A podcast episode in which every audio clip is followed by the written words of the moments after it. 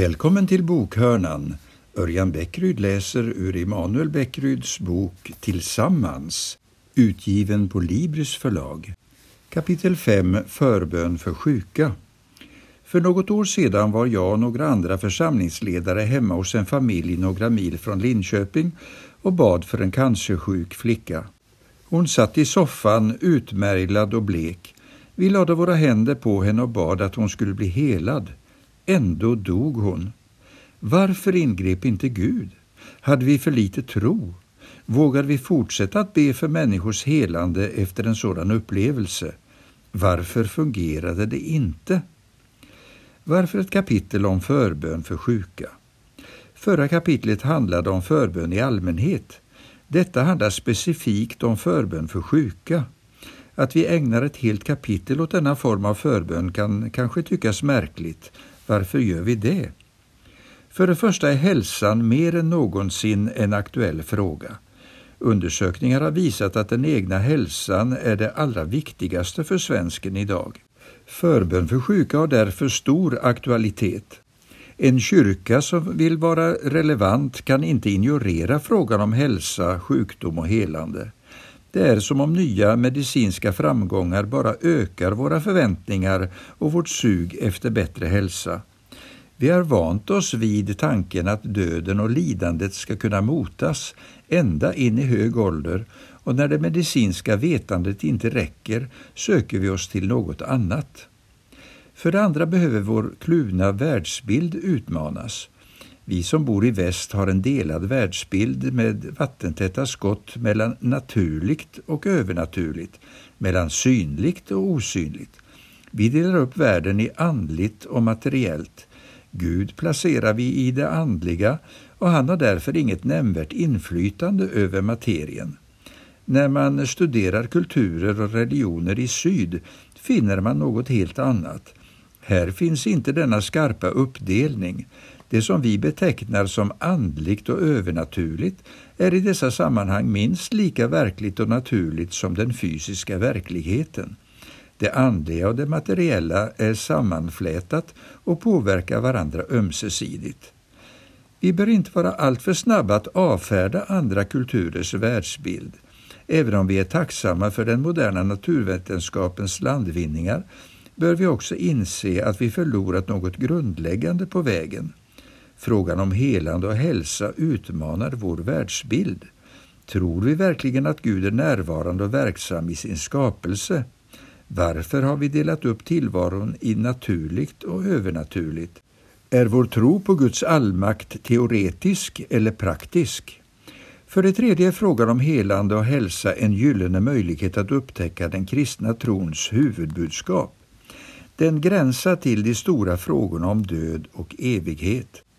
Varje sjukdom är mer eller mindre en påminnelse om vår bräcklighet och svaghet. Varje sjukdom har inom sig en smak av död. Denna smak kan vara väldigt svag och avlägsen, nästan obefintlig som vid en vanlig förkylning. Ändå påminns den som är sjuk att hälsan inte ligger i våra händer och att livet kan och en gång ska tas ifrån oss. Lidande och sjukdom öppnar därmed en dörr till samtal om livets väsentligheter. I ingen annan situation är vi i så stort behov av mänsklig kärlek och värme som när vi är sjuka. Genom att be om läkedom kan vi visa omsorg och samtidigt peka på Kristus som i en profetia i Jesaja-boken kallas för en smärtornas man och förtrogen med sjukdom. Det hjälper inte att tro. Det finns två diken längs helandets smala väg. Det ena diket är det hjälper inte att tro. Vi har då blivit bestulna på tron att Gud kan göra under. Vi är upplärda att tänka och handla som om mirakler inte sker. Det märkliga är att när vår omgivning nu på nytt har öppnat sig för det mirakulösa och mystiska så är kyrkan sen att haka på. Kristna verkar ha svårare än andra att göra upp med den kluvna världsbild som gör det svårt för oss att tro att den typ av händelser som vi kallar mirakler eller under överhuvudtaget är möjliga. När vi ber om läkedom ber vi om en försmak av det som ska komma när Gud inför en ny världsordning. Vi befinner oss mitt i Guds sanna berättelse om världen.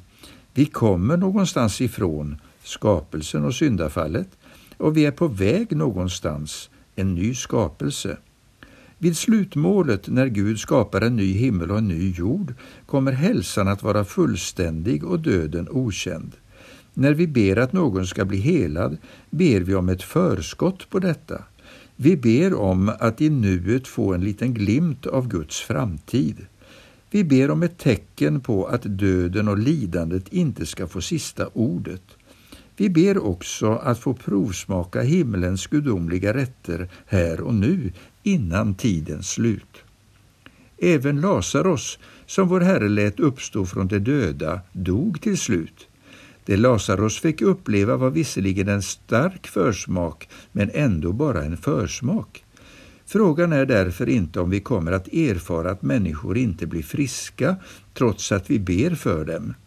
Sådana besvikelser kommer vi att få uppleva, men det betyder inte att vi ska sluta be för sjuka, utan bara att vi måste inse vilken värld vi lever i och var i frälsningshistorien vi faktiskt befinner oss. När vi ber om ett helande ber vi om ett uppskov, en aptitretare, en provbit, en föraning av fullheten i himlen. Själva middagen får vi vackert vänta på. Men att vi inte kan få den nu innebär inte att det är meningslöst att be om att få provsmaka. Den stora spänningen i tillvaron finns inte mellan naturligt och övernaturligt utan mellan redan nu och inte än. Redan nu har Guds rike kommit i och genom Kristus, men det har ännu inte kommit i full kraft. När vi ber bönen Fader vår säger vi Låt ditt rike komma. Att be för sjuka och lidande är ett sätt att göra denna bön konkret. När vi ber om läkedom ber vi om att få se en skymt av Guds framtida herravälde här och nu. Det är bara att tro. Om det första diket var förnekandet av undret som möjlighet, så att det inte lönar sig att be om läkedom och hälsa, handlar det andra om en felaktig syn på vad det innebär att tro. Jag gillar Martin Luthers liknelse om mänskligheten som en drucken man på en häst. Det är nästan omöjligt för oss att sitta stabilt i sadeln. En faller vi åt höger, en åt vänster. Om vi lyckas slå ifrån oss villfarelsen att det inte spelar någon roll om man tror, hamnar vi lätt i det motsatta, att det bara är att tro. I det här djupa diket blir tron att lyfta sig själv i håret, att anstränga sig för att bevisa att undret faktiskt är en möjlighet. Det är häpnadsväckande vad Jesus lovar oss om vi bara ber i tro. Det verkar inte finnas någon hejd på vad som då kan hända. Läs till exempel Markus evangeliets elfte kapitel. Med sedvanliga hyperboler lovar Jesus att den som tror och inte tvivlar till och med kan få berg att kasta sig i havet. Och han fortsätter, därför säger jag er, tro och ni ska få allt det ni ber om i er bön, då blir det så. Hur ska vi förstå dessa löften? Ofta drar vi slutsatsen att vi inte har tillräckligt med tro och att eh, om vi bara hade mer tro skulle vi få se mycket fler bönesvar. Vi måste ha mer, mer tro, ropar vi till varandra och så försöker vi övertyga oss om att Gud faktiskt kan och vill. Resultatet blir att vi fokuserar mer på vår förmåga eller oförmåga att tro än på trons objekt, den treenige guden. Vi försöker tro på vår egen tro istället för på Gud. När det har gått så långt är vi en bra bit på väg mot ett magiskt tänkande där Gud blir som en godisautomat. Bara jag stoppa in rätt mynt får jag som jag vill. Tron är ingen valuta som vi betalar med för att få vissa saker att hända. Om vi närmar oss alla löften om bönesvar med en sådan attityd och tanke kommer det inte att fungera. Visst lovar Jesus mycket och visst är det allt möjligt för den som tror, men vi måste påminna varandra om att tro handlar om relation, inte om ett opersonligt manipulerande av gudomliga krafter. Gudstro är inte något vi presterar för att kunna kvittera ut det vi vill ha. Det är först och sist förtröstan och tillit. I Bibeln betyder tro att vara trogen och att vara beroende av någon. Det handlar om gemenskap och relation. Att åberopa Guds löften om bönesvar utan att känna honom är absurt. Visst har Gud gett oss stora och många löften, men inte utifrån ett magiskt perspektiv utan utifrån ett relationsperspektiv. Därför är det inte trons storlek som räknas utan dess kvalitet. I Lukas evangeliet läser vi Apostlarna sade till Herren, ge oss större tro.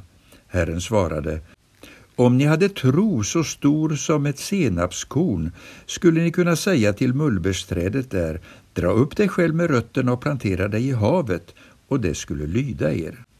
Här gäller det inte ett berg utan ett träd, men budskapet är detsamma. Om vi bara har tro kan vad som helst inträffa. Poängen här är ändå vad Jesus inte säger. Han besvarar inte lärjungarnas fråga. De kommer till Jesus och ber om större tro. Jesus svarar att har de bara lite tro, som ett senapskorn, kan under ske. Med andra ord, Jesus betonar att det inte är trons storlek som är avgörande, utan dess kvalitet. Har vi bara rätt tillit till Gud behövs inga större mängder. Jesus ger ingen metod för att få mera tro. Han säger att liten förtröstan på Gud räcker långt. Därför ska vi inte söka efter mer tro, vi ska söka efter fördjupad gemenskap med Gud. Hindret är inte att vi tror för lite, istället har vi fel sorts tro. Vi behöver återvända till det faktum att tro är en relation. Som med alla relationer kan också den med Gud fördjupas så att vi ännu mer sätter vår tillit till Gud, förtröstar på honom i livets alla skeenden och är trogna honom i smått och stort. Himalaya inom oss. Vilket är världens högsta berg? Svaret är givet, Mount Everest i Himalaya. Men att kunna svaret innebär inte att det är lätt att klättra upp på toppen. På samma sätt är svaret på helandets mysterium givet, tro. Men att i praktiken tro kan kännas lika svårt som att bestiga Mount Everest. Det är svårt att tro att Gud kan bota en sjuk. Samtidigt är tron på Gud prestationernas raka motsats. Att tro är att vila i Gud, att ha tillit till och låta sig bäras av Gud. På så sätt är det fel att likna tron vid en svår bergsbestigning. Det är nog snarare så här. Att tro, att lita på Gud, är i sig enkelt. Det är vi prestationsinriktade människor som gjort det svårt att tro. I det här sammanhanget framgår det tydligare vad Jesus menade när han sa att vi ska vara som barn. Ett barn har lätt att tro. Vuxna tycks ha tappat eller glömt denna förmåga att totalt lita på någon. Vi har svårt att vila och verkar ha en inbyggd springmotor inom oss, en prestationsmotor. Vi måste göra så mycket och ha kontroll över våra liv, inklusive framtiden. Vi vill vara kartläsare när vi egentligen kan köra bilen i förtröstan på kartläsaren. Han ger oss en instruktion eller vägvisning i taget, inte mer än vi för stunden kan klara av och ta till oss. Ett Himalaya av otro finns inom oss när det gäller frågan om gudomligt helande.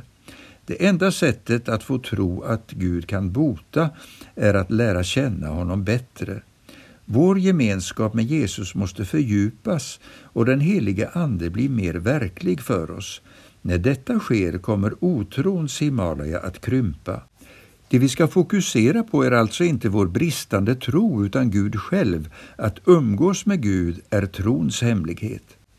Medvetna om detta ska vi uppmuntra varandra och påminna varandra om att vår Gud är stor och mäktig. Och även om våra tankar och känslor inte alltid hänger med ska vi fortsätta att be för sjuka.